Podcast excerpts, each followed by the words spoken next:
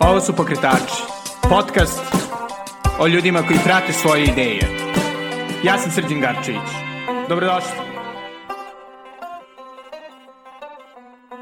Ćao i dobrodošli u najnoviju epizodu Pokretača.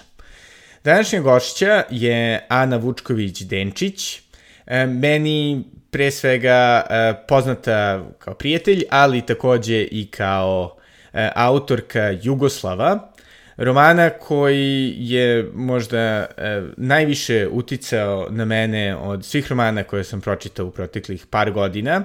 E, ne samo zbog njegovog apsolutno e, prisutnog literarnog kvaliteta koji je jeli, prepoznat i time što je bio u užem izboru za Ninovu nagradu, već i time što se bavi jednom vrlo bolnom, nažalost, meni od skora e, dosta bliskom temom e, smrti bliskoga roditelja. E, pored toga, naravno, Ana je dosta stvari. Ona je urednik i voditelj filmorame na Radio Beograd 2, kolumnistkinja, svakako prisustvo na beogradskoj kulturnoj sceni i je li jedna od pokretača i kreativnih, da kažem, ovaj, zapaljivača E, radio aparata u njegovim počecima. Sa Anom sam pričao suštinski o tome e, kako je uopšte biti takva jedna izrazito kreativna osoba. Pričali smo o književnosti, o podcastima, o bavljenju kulturom u tom, da kažem, širem smislu, tako da se nadam da ćete naći po nešto, e, da će svako naći po nešto za njega ili nju, zato što mislim da je bio zaista uh, lep razgovor. Pre nego što čujete Anu, e, naravno obavezno bih hteo da se zahvalim mecenama pokretača koji e, ovaj projekat održavaju u životu. Svi ostali ako želite da donirate, to možete učiniti preko Patreona na adresi patreon.com kosacrta Belgrade ili preko Paypala na adresi paypal.me kosacrta s Garcevic. A sada, bez duženja, ovo je Ana Vučković-Denčić. Hvala puno, Ana. Ovo, naravno, nije tvoj prvi put na radiju, niti radio aparatu, koji si, između osnovog, osnovala. Pa, da, ali sam osnovala, da, bila sam tu u, u, u prvim timu. koracima u tom nekom osnivačkom timu, da tako kažemo, da, i uh, večiti sam prijatelj radio aparata i uvek se odazovem. Apsolutno, i, ovaj, i naravno sad na Radio Beogradu, tako da ovaj, podcasti, da, zapravo, kako, kako ovaj radio profesionalcu izgledaju ovi podcasti, jel? Imaju smisla. Ja mislim da imaju smisla jer ja i kao autor, ali i kao neko ko sluša. Ja slušam i FM, odnosno slušam programe Radio Beograda i zbog toga što poznajem neke od autora, pa me onda zanima kako će to zvučati, kako će kolega napraviti emisiju na neku temu. A i zbog toga što ja volim baš različite stvari u svim, svim oblastima, Tako da kombinujem, slušam i naše programe, slušam i najrazličitije podcaste, pogotovo sad od kad čini mi se da i u tom jutarnjem terminu gde sam ranije uvek spavala, sada, pošto mi posao počinje oko podneva ili oko jedan, imam taj neki deo vremena kada dete odvedem u vrtić, da nekako cunjam gradom, idem i slušam najrazličitije uh, stvari, slušam podcaste, slušam i ono što je radio Beograd jedan ili dva ili neke emisije na, na 200 dvojice dakle, ili, ili na trećem programu, slušam ih a, i odloženo, odnosno Aha. vraćam ih ili ono što je na podcastu RTS-a takođe vraćam, tako da one postaju kao neka vrsta podcasta, iako nisu smišljene da to budu. Mislim, naravno, ljudi koji su mnogo više u tematici podcasta će reći da postoje razlike između podcasta i emisije a, i prave te neke fine, fine razlike, ali meni je najvažniji taj, taj sadržaj o čemu se govori i ja sam od onih ljudi, onih slušalaca koji mogu da slušaju razgovore koji traju satima na neku temu ako me ona zanima, jer sam od uvek volala i te neke polemičke emisije i volala sam one i televizijske uh, ala kino oko i to gde se ljudi skupe i onda debatuju na neku temu. Mm, eto, kino oko bilo je uh, pre filma i posle filma. Uvek sam uživala o tome, mislim i sada odlazim i uživo na tribine, tako da volim tu govornu reč i zbog toga mi baš, baš prija. Tako da sve slušam, sve volim da... Da, da. Čak i ovi nas, da kažemo, ovi, e, siromašni rođak je i manje talentovane rođak i radi. A ne bih rekla. Ne, ne bih rekla zato što e, mislim da, da mi je u tom smislu važan sadržaj i ko na koji način nešto radi, taj stil, to mi je važno. I važno mi je da za nešto saznam. E, da. Ponekad sam malo lenja, pa je potrebno mi se neki uh, sadržaj nametne, odnosno da mi ga neko preporuči. Ali ja se vrlo lako, ja sam vrlo adiktivna priroda. A, dobro. ja se vrlo lako na, navučem na nešto i onda pratim, uh, a onda se i vratim na prethodne epizode nečega i onda preslušam neki, neki podcast koji traje već nekoliko godina, ono, vrlo vrlo pažljivo i strastveno. Da, jel si razmišljala ovaj, eventualno, svoj neki ono, podcast da... Pa nisam, zato što mislim da mi je za sad zaista dovoljno ovo na Radio Beogradu 2 i mislim da bi trebalo da nađem onda neku specijalnu nišu. Dakle, ne bi to bilo ovo nešto što sada radim, to bi baš trebalo bude neka ideja koja je zaista drugačija i originalna i mislim da za sada ove moje emisije koje radim na Radio Beogradu 2 koje se tiču najčešće filma i uh, ne znam, komentarisanja različitih uh, događaja koji se tiču najčešće filma, popularne kulture, stripova, murala. To, murala? Murala, da, murala, da, to je ovaj aktuelno e, sad ovih dana, ali da, e, vodim jednu emisiju na Radio Beogradu 2 koja je najšire popularna kultura. I onda tu, osim, na primjer, muzike, jer je ta emisija zamišljena da bude muzička, ja vrlo često skliznem u ono što su neke među, među varijante, odnosno uh, strip, plakat, mislim, to me zaista zanima, od uvek da. me zanimalo. Jel bi rekli da je sada ovaj, street art ponovo postao edgy? Pa... U Srbiji. U Srbiji, pa da, ali mene uvek nervira kada neka tema odjednom postane goruća, a meni je, a ja sam o tome razmišljala još ranije. Mislim, nervira me da uh, niko nije primetio do sada neke prelepe murale i sada kad postoji problem, onda je to problem. Nekako, mislim, naravno da mi, da mi uh, smeta ko se pojavljuje, ko se veliča, uh, isto kao što mi smeta uh, to jako mi je bilo iritantno. Kada neko, nažalost, premine, onda se odmah nacrta njegov uh, mural, njegova slika koja je nakaradna. Naprimjer, to se da. dešavalo da ljudi iz pijeteta krenu sa nekim pijetetom, a to bude nalik na one voštane figure u Jagodini. Znači, ono... Da. Koje su inače sjajne, ono, da priznamo.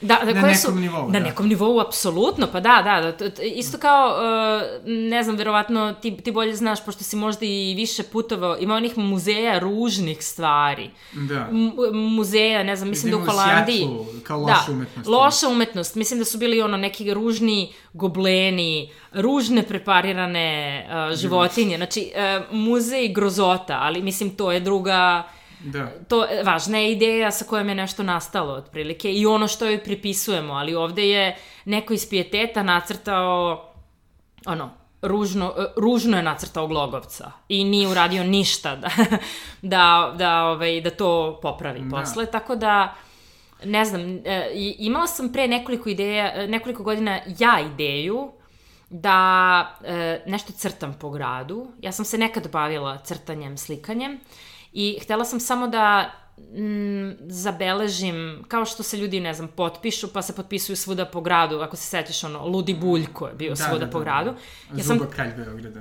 To, to, ja sam htela da crtam te neke haljine svoje, kao neke modele, kao neke, Aha. to sam htela, možda i hoću i sad, i te neke ove, ovaj, svoje, svoje modne ideje, tako da Uh, imala sam stvarno mnogo tih ideja, ne znam zašto to nisam uradila, verovatno kao što nisam napravila ni svoj podcast, valjda mi je dovoljno sve ovo čime se sad bavim, da. Da, da, ovaj, pa svakako da dosta, dosta toga čime se, čime se baviš i to će naravno biti jedna od tema, ali ovaj, sad da, da se podsjetim mm. jednog zanimljivog razgovora koji smo imali sa našim zajedničkim poznanikom, prijateljem Andrijom Đorđevićem. Mm -hmm. Mi smo baš komentarisali kako ono što je sjajno u tvojoj književnosti, ovaj, e, to je to što kombinuje sa jedne strane i ono, sentimentalnost i onako slobodne forme i lepa je, ali opet, za razliku od dosta naše trenutne književnosti, uh, koja kada upada u nostalgiju biva onako vrlo šmalci, kada upadne u tu, da kažemo, ono, slobodnu mm. formu, biva neorganizovana i nekako fake, ono što si ti uspela u jednoj najboljih knjiga koje sam pročitao ja, hvala. u skorije vreme Jugoslavu, to je da nekako objediniš mm. nešto što je vrlo lirski, e, nešto je vrlo nostalgično, sa nečim što osjeća se izrazito stvarnim i apsolutno zaslužena ovaj, short lista za Ninovu nagradu.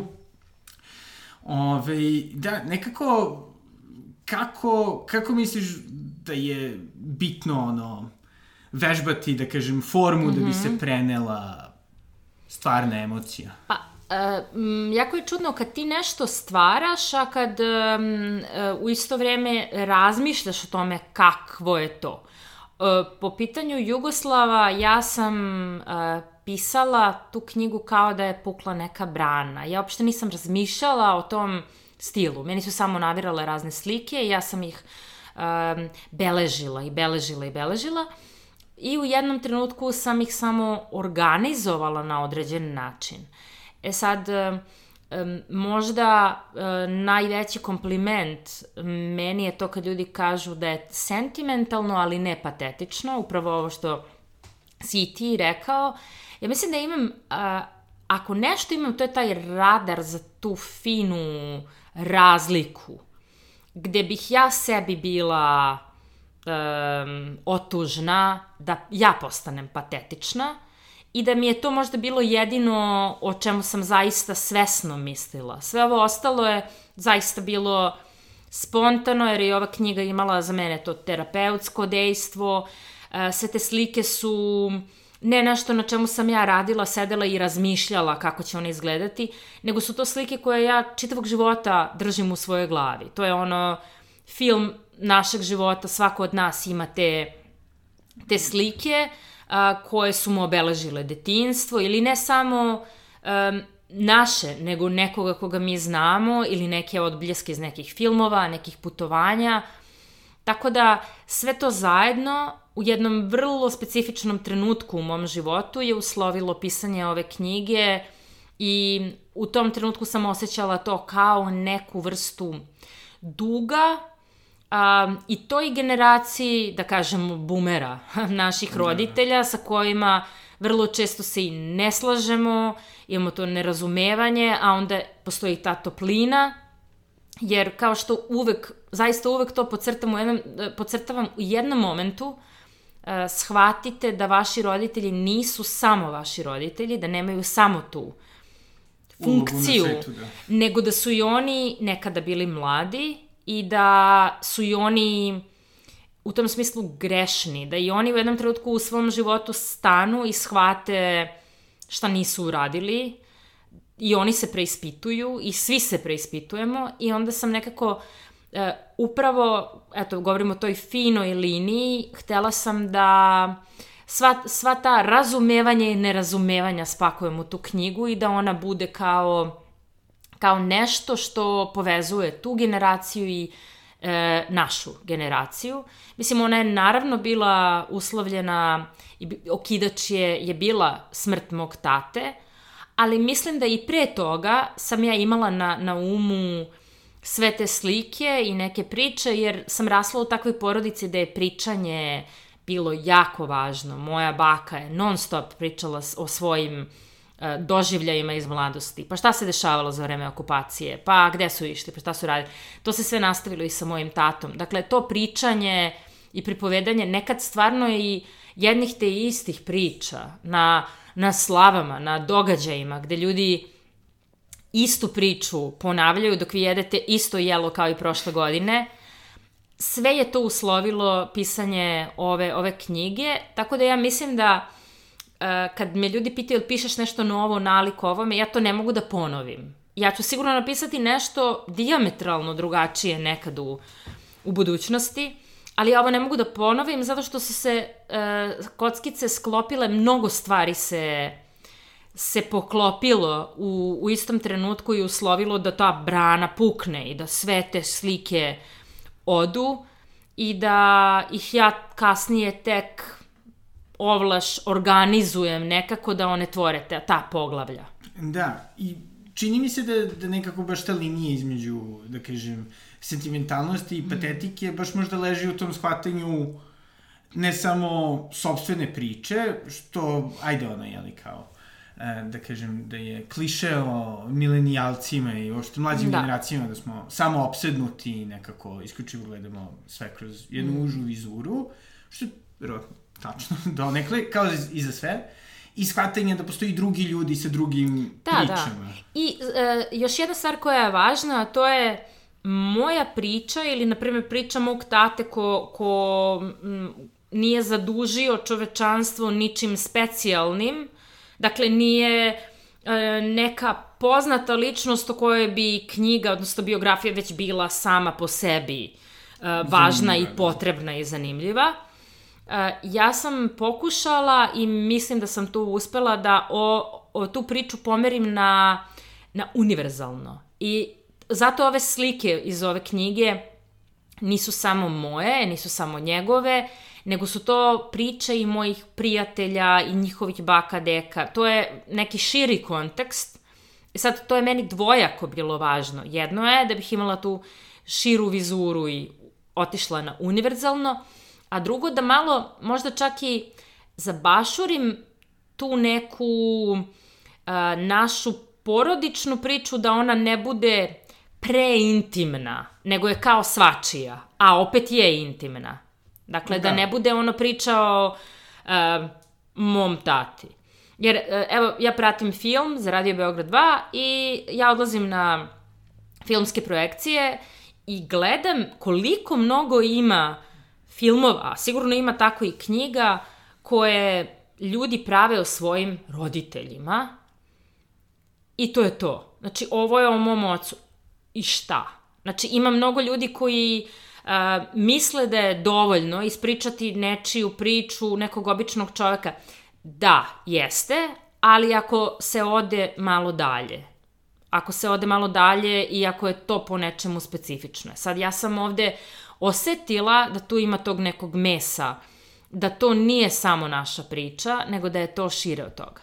Da, i, i to je nešto što meni zaista ovaj, bilo sjajno, pogotovo i to neko, da kažem, ulaženje čak i neke e, teže i neprijatnije aspekte ovaj, tuge za mm -hmm. jeli, preminulim roditeljem e, ili ono, međuljudskog odnosa, ali koje nije onako, da kažem, pornografska na nekom nivou, sada ćemo, ok, da kao ubacujemo nešto što je hiper, hiper skandalozno, da, samo da. zato da bi nosilo mm. neku priču i da bi ljudi kao to trčali i malo se ono kao I ono što, za čime ja uvek, ali mislim da ja to od, od kad pišem, ali i pre toga, mene uvek zanimaju ti neki fini detalji, te neke finese.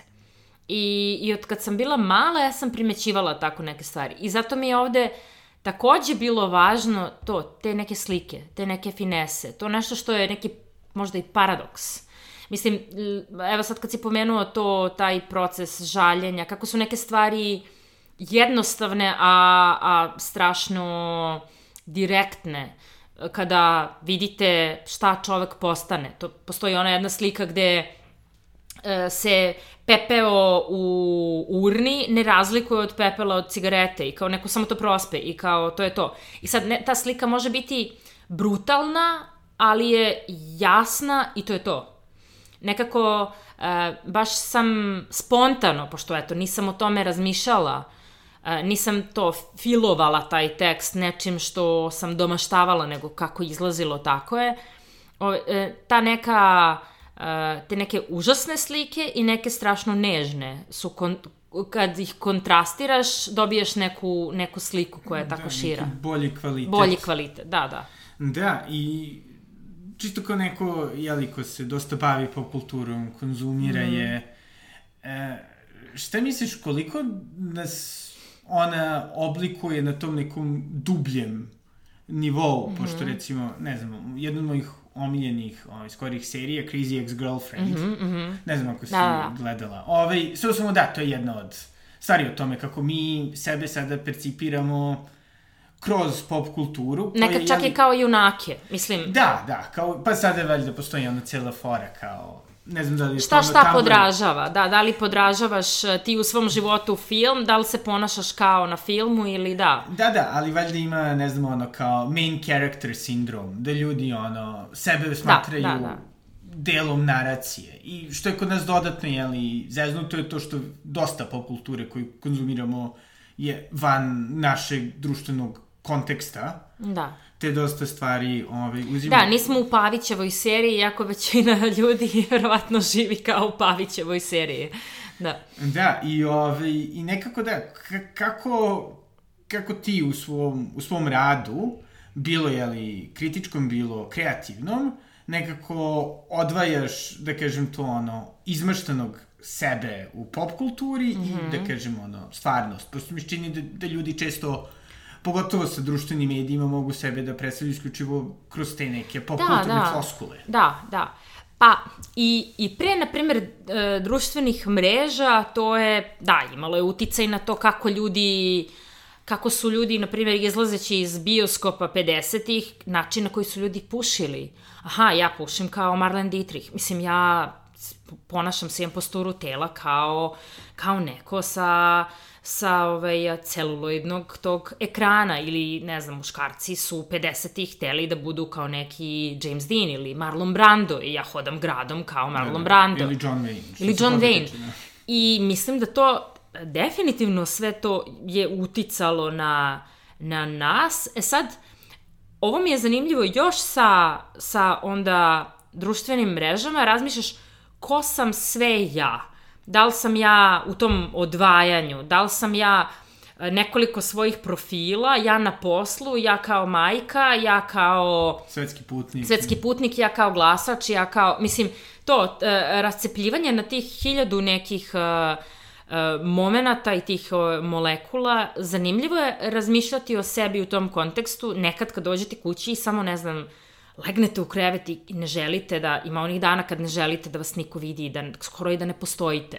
Evo dok mi razgovaramo ja imam crvenu rolku. Ja ne mogu svakog dana da nosim crvenu rolku jer nekih dana ja želim da skoro budem pa nevidljiva. I, I onda kao kako postići tu nevidljivost kada si već uradio mnogo toga baš da budeš vidljiv. E sad, to vam priča osoba kao ja koja je introvertna i ekstrovertna zavisno od, to, od dana i od toga kako se osjeća i ja nekih dana zaista volim i volim čak i da se ponašam nekako ponašam se ekstrovertnije jer to proizilazi iz mene tog dana, ali i, i ima veze sa ovim što si rekao, pop kultura i to. Jer ja nekad hodam gradom i slušam muziku i ja snimam spot, mislim snimam spot. Ja idem, Da. ja pevam, uh, idem ulicom i ne samo da ja pevam, nego ja pravim verovatno facijalne ekspresije kao da me u tom trenutku neko snima za taj spot. I sad, ljudi koji prolaze kolima ili u autobusu, oni vide samo dve sekunde toga i onda im je to nevažno. Ali kad bi videli ceo taj kontinuum, oni bi videli osobu koja se ponaša kao da nešto nije u redu. Mislim, ne. Tako da, mislim da je sve to uticalo jedno na, na drugo. Ja se nekih dana zaista osjećam kao, to su mi omiljena dva primera, kao ona veruška u blow upu, otprilike fotkaj me, fotkaj me, A nekih dana, što je moj omiljeniji primer, je, sam kao ono, uh, Led Zeppelin grupi devojka iz 74. Otprilike, ono, nosim uh, krzno na golo telo i kao idem, idem na, na koncert, otprilike. Tako da, mislim da na svakog od nas je to dobrano uticalo. I mislim da to možeš da vidiš i kod najmanjeg deteta. Mislim, moj dete ima tri godine, ali stane ispred ogledala i nešto glumi. Glumi tri praseta. Ali on ne stoji u, ne znam, ono, bestežinskom stanju negde. Ne, on dođe do ogledala i gleda sebe i priča sebi tri praseta. Tako da, mislim da e, ni to nije toliko ni to sve nije toliko fake. To opet proizilazi verovatno uh, iz nas. Uvek se setimo one priče, mislim da Singerova priča u kojoj ljudi sebe ne vide, neke devojke sebe ne vide do momenta dok uh, ne vide uh, u bunaru on odraz svoj u, u vodi i kao, aha, to sam ja. E sad, od tog momenta gde vidiš sebe, aha, to sam ja, tu sve kreće. Tu kreće taj kontakt sa odbljeskom sebe, ne samo sa svojom unutrašnjošću. Da, da, i zapravo, mislim, jeli deo uopšte komunikacije sa svetom prenošenja, mm. bilo čega je prihvatanje, da kažem, nekih opšte prihvaćenih načela i ali uopšte načina da se da, da. izrazimo da. na neki brži Pa jeste, način. evo ja sam taj moj entitet, taj uh, profil koji mnoge moje kolege mi kažu ja nemam nigde profil i to, ali meni je, meni to mnogo olakšava sve, ovaj razgovor naš je olakšan time što si ti mene pitao preko tvog profila na moj profil. Ja isto to radim svakog dana sa svojim gostima za svoje emisije i za milion drugih situacija. I to je ta neka društvena datost sada, ne znamo šta, šta će sve biti. Imam prijatelja koji radi na teleportu, tako da mislim, ko zna šta ćemo raditi za ono, 10 godine i da li će propasti uh, a, ono, avioprevoznici jer će ljudi koristiti teleport. Da, da. Ili ćemo svi biti samo ovaj, zatvoreni u našim kućama, imati Facebook Metaverse i putovati. Da, da, da, ali to, to niko ne zna kao što niko nije mogu da predvidi pre 50 godina su ljudi imali neke ideje kako, ok, o, o, otišli smo u svemir, ajmo dalje. Mislim, da. tako da sve se toliko, mislim, ubrzava se, zanimljivo je za našu generaciju, uh, mislim, dobro, ti si nešto, nešto mlađi, Malo, da. malo, ali zanimljivo je i za generaciju, možda i čak malo stariju od moje, ali to je taj neki kao prozor, da ti imaš ljude koji se sećaju i audio kaseta i sećaju se video kaseta, a evo, totalno su prikačeni na sve što, je, što su sadašnje tehnologije.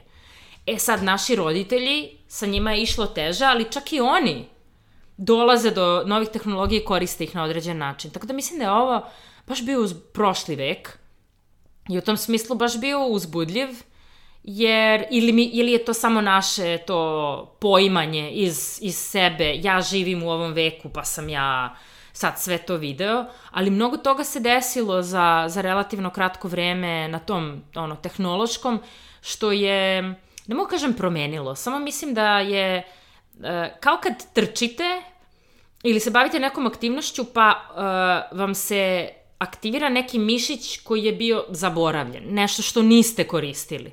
Tako i ovo. Ja mislim da i u našem umu i postoji hiljadu tih stvari koje su samo trigerovane tim nekim novim, da. novim tim tehnološkim spoljnim. Jeste. I, ovaj, I nekako čini mi se da u svemu tome postoje dosta zanimljivo koliko je, je li u toj našoj ono, sve prisutno, to je mogućnosti da budemo sve prisutni mm. u tuđim životima, kroz, ne znam, ne znam, profile, podcaste, šta god. Ove, zapravo ta ideja za kao autentičnošću. I čini mi se da je, hvala Bogu, to mm. manje više umrlo. Ta, taj neki fetiš kao autentičnosti kao nečemu, nečega što visi van.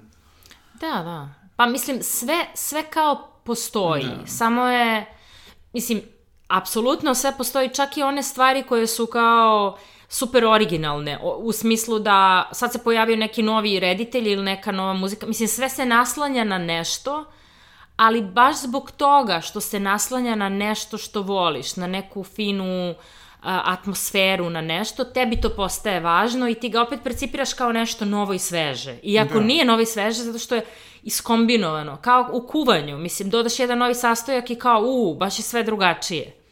Tako yes. da mislim da, mislim, i pored svih užasa, mislim da živimo u uzbudljivim vremenima, u tom, da. u tom smislu, da, da mnogo toga je uh, ono, promešano i mnogo toga je na stolu i možda iz tog razloga postaje nešto nevidljivo, moramo da istražimo da bismo raščevijali gde je to nešto što nas možda zanima. Evo, kao što si me pitao za podcaste, mislim, sigurno postoji još 500 stvari koje ja nisam otkrila, koje bih sigurno volela, ali nemam pojma za njih.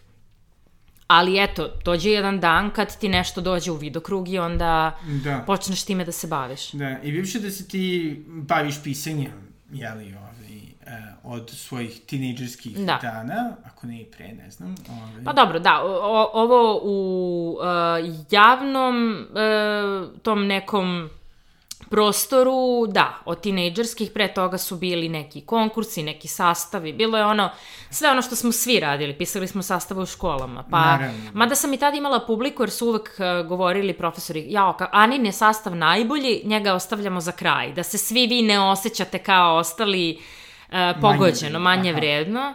Da, a onda, naravno, ok, ja sam u tome bila dobra, neki drugi moji prijatelji su mi pomagali oko, ne znam, ono, fizike. E, super. I, I kako se nekako, da kažem, za tebe taj odnos prema pisanju promenio kroz ove godine i, i da kažem isto i sa tim ono većim brojem da kažem, distrakcija. Ti, ti dosta pišeš i u svojim literarnim delima i o pop kulturi. Da, da, da.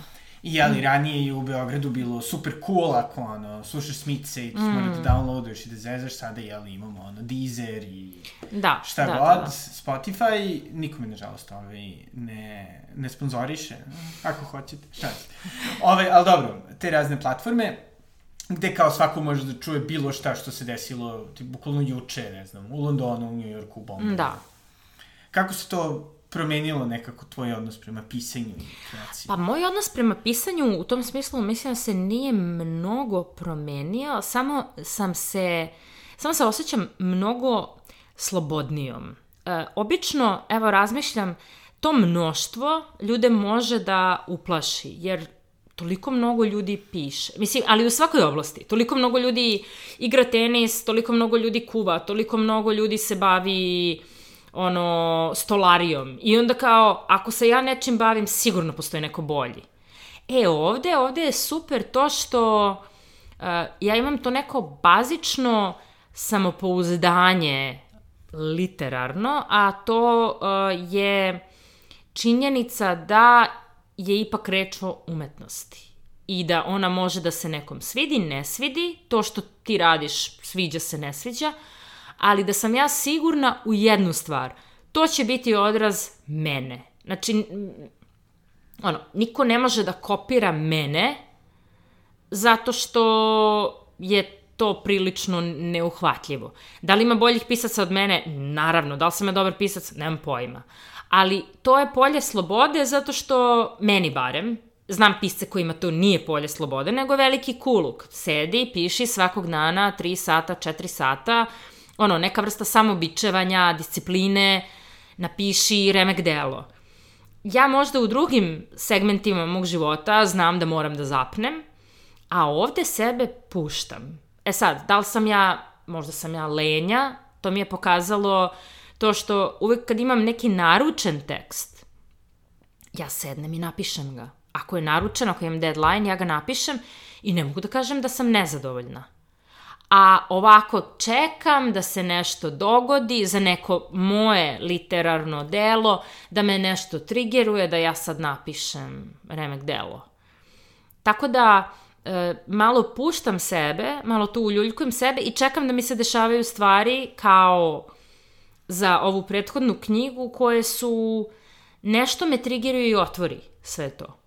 E sad, ono što bih jedino tu sebe za u buduće ima kažem naterala, ali mm, imam, ja imam mnogo ideja da eto samo krenem sa nekom idejom i da je raspisujem. Jer i tako se dolazi do dobrih rezultata. To su mi u stvari pokazali svi ti moji naručeni tekstovi, kojima sam ja na kraju relativno zadovoljna i to je okej. Okay. Tako da, moj odnos prema, prema pisanju je, je različit. Mislim, ja pišem nekoliko tekstova nedeljno koji su naručeni. Mislim, naručeni. To je slobodna tema, ali ja imam koliko je to karaktera, to su kolumne i ja napišem nešto. Nekad je to bolje, nekad je to gore po mom shvatanju. Nekad se desi da nešto što napišem za pet minuta i nisam pretrano zadovoljna, da se to ljudima neviđeno sviđa i nešto, i obratno, nešto što je meni predivno, niko ne reaguje. Mislim, dešavaju se takve, da. takve stvari, ali najčešće postoji dobar odgovor na nešto čime ste i vi zadovoljni, tako se meni do sada uvek dešavalo. Znači, možda samo malo više discipline koja nije ovo samo bičevanje, jer to znam te ljude, budim se u šest ujutru i sedam za, za kompjuter ili za mašinu i krećemo. Ja ne mogu, meni bi ta vrsta discipline stvorila neku vrstu anksioznosti. Ali nekad, kad hodam gradom, ja najčešće kad hodam gradom, vozim se gradskim prevozom, tu negde idem, aha, evo je neka ideja. Znači, samo je uhvati i raspiši. Da. I kreni. E, to je to, to je Ali, polazište. Recimo, zapisuješ ili snimaš dok se šetaš. Da, da, da, da. Zapisujem, uh, najluđa stvar, uh, iako postoji onaj uh, na, tel na svakom telefonu, onaj... Diktafon, da. Uh, ne samo diktafon, nego ono da zapišeš, postoji Da, da, ona da, kao notes, notes. da. Ja nikad ne koristim notes. Ja uvek, što je jako čudno, sama sebi šaljem poruke, šaljem sebi u inbox. Znači, sama sebi u inbox, to je ludo, ali okej, to su kao te neke ideje. I za nešto što su malo duži pasaži, gde hoću da zapamtim celu atmosferu, diktafon. I to je diktafon koji ja imam iz profesionalnih razloga novinarskih. Ja uvek imam sa sobom taj mali snimač, ga mi zovemo Maranc diktaf, diktafon. Ja to snimim. I, I da, tu mi, tu mi nekako pomaže ili, pošto imam ove naručene tekstove i znam da, na primjer, petak popodne trebalo bi da nešto napišem, ja onda, aha, nemam nikakvu ideju, prazna, mislim, ništa, šta, aha, otići ću u sobstveni inbox, a, vidiš, zapisala sam prošle nelje ove tri ideje, baš su dobre, ajmo. Aha, dobro, to je... Ovaj. Tako da, ja, mislim, zaboraviš, ti zaboraviš svoje, pa kao ono, dis, mislim, u pesmi, šta sve ti, čega se sve setiš pa zaboraviš. Tako da sam ja počela da te neke stvari zapisujem, to je ono, Eva Braun, napisati treba sve, prilike fazon. Da. A, a, I ne znam, menja se i različit je moj odnos prema tom pisanju a, kroz, to, kroz vreme. Neki ljudi misle da ako nešto ne napišu danas, da, da će to otići negde zauvek. A meni je, glavno mi je da uhvatim tu nit koja će me podsjetiti i kao da je konzerviram. Kao ono, sad skoro se rodila beba koja je genetski materijal koji je uzet 94. godine ili treće. Da, da. Znači, datum proizvodnje te bebe je 93. Ona se rodila 2020. na primjer.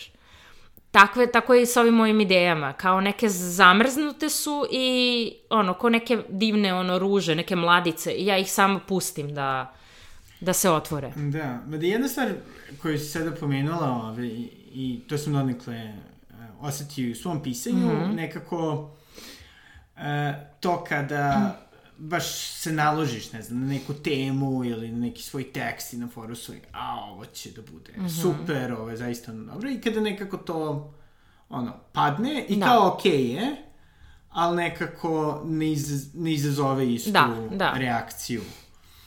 Ove, I čini mi se da je onda nekako, makar kod mene, postoji to uvek pitanje kao u fazonu, dobro, kao, je li ja imam realan, mislim, da imam realan odnos prema tome šta ja radim, da li Da. sam razumljiv drugima, da li ih uopšte interesuje to.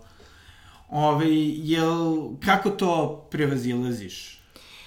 Pa, meni se dešavalo za neke moje prethodne knjige da sam ja, a, a tad sam bila i mlađa i eto kao možda nezrelija, da sam ja razmišljala što ovo nikoga nije tangiralo. A sad, sad imam jednu novu, pošto Jugoslav je strašno dobro prošao i stvarno su... Ne, Prevede na engleski? na engleski, na makedonski i mislim, bit će još nekih prevoda, trebalo bi. Dobro, na crnogorski. Na, hrvatski da, da, da, šans. da, da, da. Ovaj, pa dobro, neko može da uzme, to su se šalili, neko može da za prevod na jekavicu, kao ovi notari, neko može da uzme fine pare. Dogovorit ćemo se posle. Dogovorit ćemo se, da, da. Ali e, ja sad imam ideju, pošto, pošto imam mnogo ideja, da budem samo vrednija, pa će u tom mnoštvu iz tog mnoštva, iz toga što ću ja da razne stvari produkujem, bit će uspešnih, manje uspešnih, ovo što ljudi razumeju, ono što ljudi uopšte ne razumeju. Jer kad vidiš bilo čiju, bilo kog umetnika koga ceniš, voliš, kad vidiš njegovu karijeru, kad je podvučena crta na neki način, tu ima svega. Znači, samo je važno raditi, raditi. Važno je produkovati. I onda bacati, objavljivati, raditi nešto s tim, ali biti nekako biti vredan, biti produktivan u tom smislu. Jer kad, eto, podvučeš crtu, ti ćeš reći, aha, ovo je genijalan film, sledeći mu i nije bio baš, ovaj mu je baš loš, a ovaj je razbio. Znači, nemoguće je da u svemu što radiš, da sve bude podjednako prihvaćeno. E sad, tu je možda problem da nešto u šta si ti verovao i srce svoje dao, baš to ni, niko nije primetio. Ali ja mislim da to kad se na kraju sve izniveliše, da, da će ipak doći do, do, da. do nekoga i zato ne brinem. Barem što se mene tiče. Mislim, ne brinem...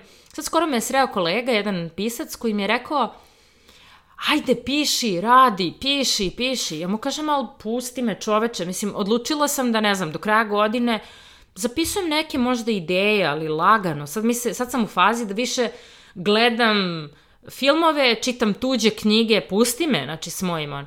I on rekao, bit će ti žao, ne znam, kad napuniš 45, moraš da budeš produktivna, moraš da radiš, moraš da... I to mi isto, kao ta, ta vrsta pritiska mi je isto strana, kao i to da se potpuno pustim i ono. Nego treba, treba raditi na nekim svojim idejama, treba, treba biti produktivan i to, nešto će da proradi, nešto neće da proradi. Iz različitih razloga. Da, da.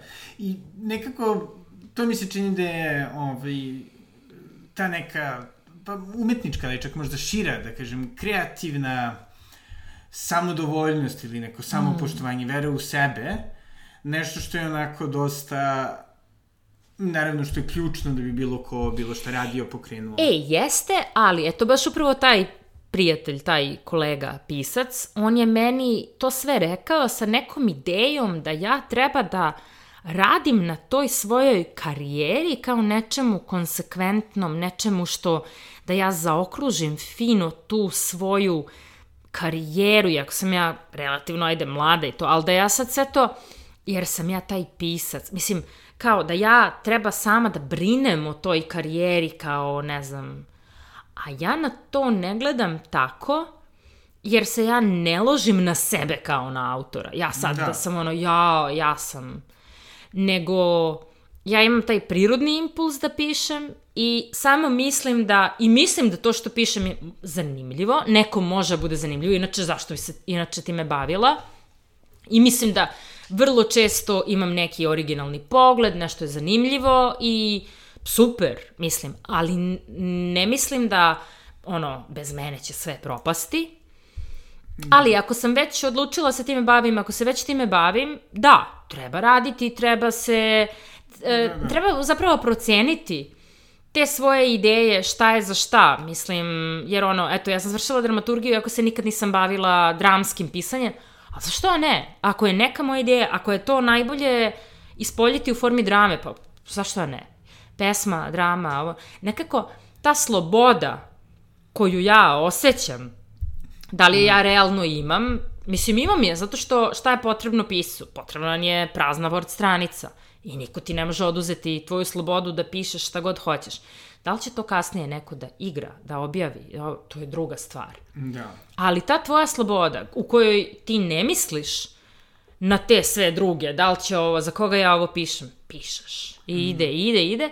I to ne misliš, a onda kad je gotovo, lako ćemo. To kad je završeno, lako ćeš ti to da odneseš I ako se nikad nisi bavio dramskim pisanjem, ti odeš u pozorište ili imaš prijatelji iz te branše i kažeš, e, aj, pročitaj, vidi, je li ovo čemu. Tako da mislim da malo ljudi, barem, eto, to je moje viđenje, to nije savet, ne, ne mogu nikom da dajem Naravno, savet, da. ali kao, opustiti se i stvarati, raditi, raditi, i onda videti šta s tim. Da, da. I baš sam na to mislio, to neko, ovaj, da kažem, kreativno samopouzdanje, bilo da se radi da, pisanju da, da, da. ili, ne znam, odluci da se bavite lupom, mesarstvom. Ma da, Samo, da. ali, hoću da kažem, ali opet nekako to vrlo često dolazi u taj konflikt gde, jeli, ponovo, ono, moramo da pričamo sa svetom i ljudi da bi vas shvatili za ozbiljno, da. morate da budete uspešni sve ove, jeli, nacionalnog. Ha, mislim, da, da. U svakom svetu i da biste vi smatrali da ima smisla da nastavite. Ali eto, na primjer, ja sam se bavila, ja imam knjige i pre ove i one su bile primećene, neprimećene. Mislim, moja prva knjiga je bila baš primećena, ove druge manje više. I onda u jednom trenutku i sam ja pomislila, pa dobro, okej, okay, mislim, okej okay, sam ja, nastavit ću ja time se bavim, ali ono, očigledno ni, ništa sad specijalno se tu ne dešava. E, a onda se desi ovo kao, izađe ova knjiga i to bude wow i onda sad, aha, dobro, znači ljudi misle da sam ja pisac. A, ja sam pisac, super. Znaš, kao, to je kao neka injekcija od spolja, gde vam ljudi daju publikata.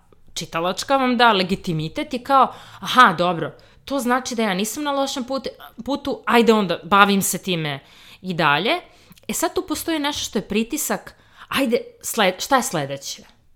Aj napiši sledeće, ajde. Da li je to na liniji ovog vi koji ste volili Jugoslava, da li ćete voliti moju sledeću knjigu? Pogotovo što ona sigurno neće biti kao Jugoslav, da. jer sam ja tu dala toliko svog tog ono emocionalno i tog mesa i svega toga i onda kao moja sledeća knjiga će sigurno biti diametralno suprotna i mnogo će biti razočaranih koji će reći ovo nije ona ili će reći ovo je totalno promašaj u odnosu na prethodnu. Mislim, to uvek. E sad, vi kao autor živite s tim, vi stvarate jedno, drugo, treće, četvrto, sa saznanjem, evo ja to svima ono, mogu da kažem, iako ne delim savete, ali to jednog dana će se podvući crta gde će biti mnogo stvari koje ste radili, sigurno će biti promašaja i živite s tim, šta da se radi, mislim, tako da. je. A koliko misliš da, da ti pomaže to što si prisutna, da kažemo, u raznim formama, u smislu, mm -hmm. jeli, i kroz radio, i kroz kolumne, mm. i kroz, jeli, literaturu? Pa, pomaže mi u, u um, tom smislu što uh, ja kad god sam ranije imala neki problem, ja sam bila u tom problemu i nisam mogla se maknem. Tako, mislim, pisala sam i neki tekst o tome, ono, kontrola iz matematike, ne znam da uradim prvi zadatak, ja se toliko grčevito držim prvog zadatka da ne uradim sledeće koje možda znam. E, onda sam to promenila, u smislu sam počela da prokrastinacija učinila svoje, da, kad ne mogu da radim ovo, radim nešto drugo. Kad ne mogu da radim ovo, radim nešto drugo. I u mom životu trenutno se sve do te mere lepo smenjuje da taman sam u nečemu, uh, nedostaje mi nešto drugo, onda radim to. Tako da šaltam se sa jednog na drugo na treće i ništa mi ne dosadi. Sve mi je lepo, sve ta neka fina dinamika. Tako da evo sad uskoro počinje festival autorskog filma.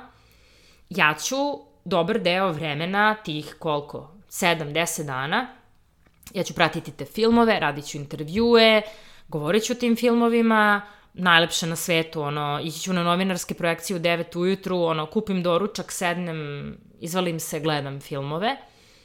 Posle toga sigurno dolazi period neke druge aktivnosti koja je ono, sigurno ću nešto pisati, sigurno ću. Tako da, to se tako lepo smenjuje i sa druge strane, mnogo je lepo uh, čuti druge ljude. U jednom trenutku vi kao autor dosadite sami sebi i ne možete više sebe da uh, slušate, sve o sebi znate, sve ste uradili i napisali. I onda je divno to što ja onda pozovem, ja pozovem nekoga u goste i taj neko mi priča. Znači ja njega pitam, ali ja za promenu nekog drugog slušam. I mislim, imam neku knjigu intervjua najslavnijih, najvećih intervjua, najvećih novinara sa raznim mm, misliocima, glumcima, pevačima i onda e, u tom trenutku sam ja zapravo čitajući te intervjue saznala da intervju može bude umetničko delo. Ne samo neka informacija, nego to, ta dinamika u razgovoru i, i da to nekad ode u neku metafiziku, nekad ne ode. Isto kao i umetničko delo. Meni se vrlo često dešavalo s ljudima koji su obećavali, na primjer, neki reditelj, ja volim njegov, njegove filmove, on dođe u emisiju i emisija ne bude ništa specijalno. Znači, neko se ne otvori, I vama nije dan, njemu nije dan i to je to. Nekad s nekim ljudima se dešavalo da, evo to mi se nedavno baš desilo, gde smo i ja i taj gost nekako oduševljeni, nekako smo blaženi posle tog razgovora i kao kako je ovo bilo lepo, baš je bilo lepo. Da, baš je bilo super. Tako da, mislim, u svim tim segmentima, u svemu tražim nešto, nešto više. Pa sad, nekad bude, nekad ne bude. U kolumni, u knjizi, u razgovoru. Da, da. I, pošto nekako ono moje standardno pitanje mm -hmm. za mhm. pokretače je, jel postoji neki, da kažem, loš aspekt tvoga posla? ovaj, posle ovoga divnog, divnog opisa toga. Pa loš aspekt mog posla. Ja si nekad na foru kao samo bih htjela nešto drugo. Mm, pa ne, za sada ne, zato što dešava se, ako na primjer pratite neku oblast, pa to je film, tačno znam u kom periodu godine radim šta. Aha, evo ga februar, znači fest. Aha, evo ga novembar, znači slobodna zona. Aha, znači srećete se sa jednim tistim ljudima u nekim pravednim intervalima, ali uvek najavljujete nove stvari. Dolaze novi gosti, dolaze novi filmovi i nekako zbog toga nije, nije dosadno. E sad, ovaj posao, e, meni dinamika ovog posla za sad veoma odgovara, jer to nije posao 9-5, to je posao e, da nekada tri dana nećete doći kući, ili ćete doći baš na kratko, ali onda ćete imati, kao što ja najčešće imam, ponedeljak vrlo slobodan. Ili ne znam, neki utorak gde, aha, uradim emisiju, ali to je to. Sve ostalo je slobodno. Tako da, mnogo slobode i svaki dan je drugačiji. To nekim ljudima smeta. Ljudi vole tu predvidljivost. Da, da. Da kao, aha, ja znam kad ću sutra šta raditi, to je to. A meni se nekad dešava da je fokus mog dana, odnosno to šta ću ja raditi za posao tog dana od šest popodne do uveče. A da prvi deo dana ne, ne moram da radim ništa i onda se ljudi dogovaraju kao, e, se vidimo danas u šest. Ne vidimo se danas u šest, ali možemo da se sutra vidimo ceo dan, ali ja radim. Znači, onda je ta dinamika Da, da. ljudi koji rade 9-5 i nas koji tu tako balansiramo drugačija, ali i nekad se radi vikendom, jer razni događaji i razne lepe stvari su vikendom, ali tu se napravi taj neki fini balans gde, gde meni to baš odgovara. Da. I to je, to je divno, baš te sada slušam i baš razmišljam o tome kako ovi, vrlo često kad god pričam sa ljudima koji su u kulturi oko mm, kulture, mm. Ove, I donekle sam ja verovatno kriv za to, što ono, postoji te neka ono, afektacija, ne znam, ono, tragičnog heroja, lupam Da, Jack da, da, da. Garberdela, kao. Da, da, da. Pa evo, Ovo meni su... sve bullshit, sranje. Da, da, da. Pa evo šta su meni ljudi govorili, to su se smejali, kao Anin posao je da ode u kinoteku, snimi nekoga i onda pije šampanjac sa jagodom unutra. Da. Što se ponekad i dešava, okej. Okay. Da, dešava se, ali nekada vi radite rudarski, montirate emisiju, radite na tome vrlo... Mislim, uzbudljiv je posao i lep je, Da, da. ali ja mislim da kao i za svaki posao, ljudi samo treba procene šta im odgovara. I da su ljudi srećni kad shvate šta Jeste. šta im odgovara, na šta su spremni, mislim, Da, I da budu ponosni na to što rade, jeste. koliko god mogu, i da ne moraju da imaju tu neku Jeste, formu. Da i šta sebe- još postoji? Uh, ono što znate i što radite sa lakoćom, vi to pocenjujete. Kao, to je deo mene, ja to znam da radim. Da, ali ti si se školovao, čitao, učio da bi bio to što si sad. Što, ne znam, to kad mi u našem poslu ne samo novinarskom, nego pisanje za ove one medije, namenski tekstovi, i kad me neko pozove i kao, koliko para da tražim za ovo? Pa kao, ne znam, ono, i nekad se ispostavi da neko traži ispod onoga što bi mogao da dobije. Zašto? Zato što ja ću to lako da uradim. To što ćeš ti lako da uradiš, to je zbog toga što si se godinama školovao, radio na tome, što si talentovan za to i kao treba to da naplatiš. E pa tu, tu su isto zanimljiva pitanja oko toga kako mi percipiramo sebe. Ono. Ako se otelimo od rada za nešto, e, to ću da naplatim. Jeste. I, ovaj, I još jedna stvar koja je zanimljiva u celom tom poslu, to je ovaj, e, kritika, to jest feedback. Mm -hmm. Ove, kako, kako se ti nosiš sa tim? Iskreno budem jedan ljudi koji ono, trudi se da ne čita komentare. Mm -hmm.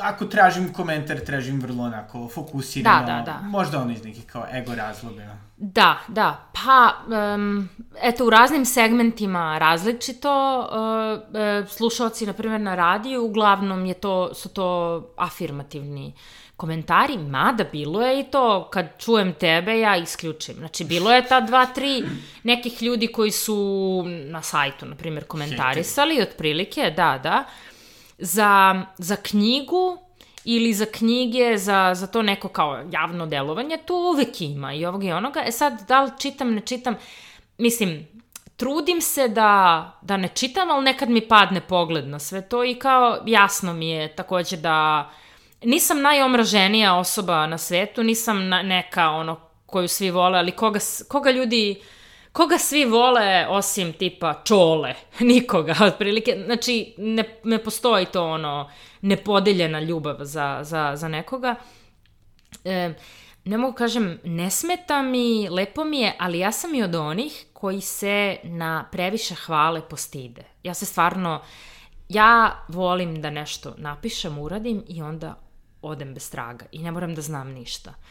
Ili da znam, ljudi vole, ok, super, ali mi od previše, čak mi nekad od previše pozitivnih komentara, a dobijam i to, nekad mi ljudi pišu ili ne znam, jedno, dva put sam otišla na Goodreads da vidim za, za ono, kao šta su ljudi pisali o knjizi, nekad mi bude malo, bude mi malo, mogu kažem sramota, jer ja sam, kao što sam rekla, ono, introvertna, ekstravertna, ono, Um, nekad mi bude kao, ok, dobro, ajde idem ja sad u svoju, ne znam, sobu da se prekrijem preko glave. Kao, lepo je što mislite to, ali kao da, da. previše ljubavi, previše, previše tog nekog vozdizanja u nebesa, a ja znam da posle toga, to je kao ono sa drogama, otprilike, možeš samo dole, otprilike, a to je ta knjiga, već sledeća može ih razočarati. Otprilike, to je, to je ono, Uh, kao kad impresioniraš nekoga na žurci. Da, da. I onda m, bolje da se ne vidimo više nikad, da ti ostanem savršen u, u pamćenju, a ne da sutra izminiram ono što je bio utisak. Mislim, ima, ima tu neke ambivalencije. Da, malo ono kao pepeljuga vibe. Pepeljuga vibe, samo. E, da, samo vidi me, uh, sve to super, bolje da više nikad ništa ne napišem, ostaće vam Jugoslav u glavi, ono. Ali nije tako, nego radimo dalje, pa kakvi komentari budu, takvi će biti, šta, mislim. Da. Pogotovo što smo i mi, i, i ja i ti smo i autori, ali i mi smo kritičari. Ili čak i da ne istupamo javno svojim kritikama, ti ćeš početi neku knjigu i reći, uh, ovo mi se ništa ne dopada, i onda ćeš prijatelju reći, ne uzimaj ovo, ovo je katastrofa, ili uzmi ovo je savršeno. Da, da. I, i nekako, ovaj, da, šta bi, ajde sada za kraj, mm -hmm. preporučila ljudima koji ovaj, da kažem u svojim, bilo da su mlađi, bilo da su mm -hmm. najboljim godinama, ovaj, razmišljaju da, da pišu mm -hmm. o sebi i o nečemu prilično, da kažem, škakljivom. Pa pišite, mislim, pišite samo nema, nema te neke kalkulacije, zato što će sve jedno se videti da li, da li je to vaše ili nije. Znači, nema, bolje da pogrešite uh, bolje da sledite nešto što ste vi autentično i da pogrešite, nego da kalkulišete pa, pa da uh, uspete ili da failujete. Nekako je to, samo je to važno, kao i svemu drugom. Znači, stvarno pratiti sebe, jer ne prija svima sve. Pogotovo, eto, dođeš u, ono, 30 neku godinu i shvatiš mnogo stvari koje sam sebe ubeđivao da su mi, ne, ne, više mi ne prija ali sam dovoljno zreo da kažem neću, neću ovo, neću ovo. Tako i u tom nekom stvaranju. Ja se sećam da pomenula sam te svoje sastave u školi, da su mene onda drugari pitali, a možda mi napišeš sastav? Ja njima napišem sastav i provali se da sam to ja, jer ne mogu da pobegnem od sebe, ne mogu da pišem za nekoga njegovim glasom. I to mi je samo pokazalo to da neko može da kaže da ja ne pišem po njegovom ukusu, ali ja pišem originalno onako kakva sam ja i šta da. dopire iz mene. I tako svako. Jer ja nekako razmišljam šta je umetnost koju ja volim. Ili, mislim, razne oblasti, ali evo umetnost je tu, ne, ja volim toliko različitih stvari, toliko različitih stilova, toliko svega, da, da nekako, da su ti ljudi kalkulisali i da su rekli čekaj da se okrenem da vidim šta je ovaj drugi uradio, da je to uradio ono Hopper, Stravinski ili ne znam ko da je rekao, pa nisam baš siguran. Ne, radi svoje, teraj svoje. Mislim, to je moj, evo, moj uh, generalni savet da sažmem je teraj svoje. da, upravo. Upravo, upravo da. Upravo, ne. Hvala puno. Jel imaš nešto što bih htjela da dodaš još, da pozoveš ovaj na neki događaje, promocije? Događaje, promocije, pa mislim, E, evo, ima, ima događaja na koje ću ja ići zbog posla, ali ne samo zbog posla, nego i zadovoljstva, pa eto, tu sažimamo to. Ići ću sad na FAF, Ima mnogo lepih dešavanja koje ću, eto, i morati da, neka od njih morati da propustim, a kao trudim se da idem na, na sve. Ima mnogo lepih izložbi. Sad je izložba u galeriji Sanu, koja je ono 60. 70. Pop art, pop art. Da. To je super. Mislim, čula sam da ima divna izložba u Narodnom muzeju, koje radila su je deca, Uh, čini mi se da su deca s posebnim potrebama, pa, pa je, su njihovi radovi objavljeni. To ću baš ići, ići da vidim. Ne stižem na sve, ali ima toliko stvari da se vidi, da se radi, pogotovo u Beogradu. U drugim gradovima možda manje, ali evo, sad sam skoro bila i u Novom pazaru, uh, sticam okolnosti, i ono, bila sam na dva neka divna kulturna događaja tamo. Festival uh, dečijeg i omladinskog filma je bio, ono, ima, ima svuda nešto da se, da se lepo i zanimljivo radi, tako da, a ako ste u Beogradu, onda čak vidim po sebi, uh, toliko ima toga da ne stižem na sve, ne znam kako ti. Pa da, ovaj, složio bih se, isto bih dodao ovaj, u Kuli. E, da, u Kuli, da, da, da, izložba. Tetovaže, možete da kupite ovaj, da se Jeste, lepite. odlične su i da, Kula kao jedno novo, novo mesto, zanimljivo, ovo je već druga izložba u Kuli, da, baš, baš volim, volim to mesto i baš mi je drago da su to otvorili drugari, Da, da. drugari naši. Tako da, eto, niču i neka nova mesta, to je super. Mm, jasno. Da zadržimo stara, da niknu nova, to je, da. Pa da. Ali definitivno, terajte svoje. Terajte svoje obavezno, da. Hvala puno. Hvala tebi. I to je bila Ana Vučković-Denčić. Ukoliko niste pročitali Jugoslava ili njene drugi romane, svakako vam preporučujem, evo sad dolazi jeli, i vreme praznika, tako da razmislite, ima čak i prevod na engleski. E, naravno, pratite ostatak njenog rada. E, to je to od mene za ovu nedelju. Hvala svima na podršci i do sledećeg slušanja. Doviđenja.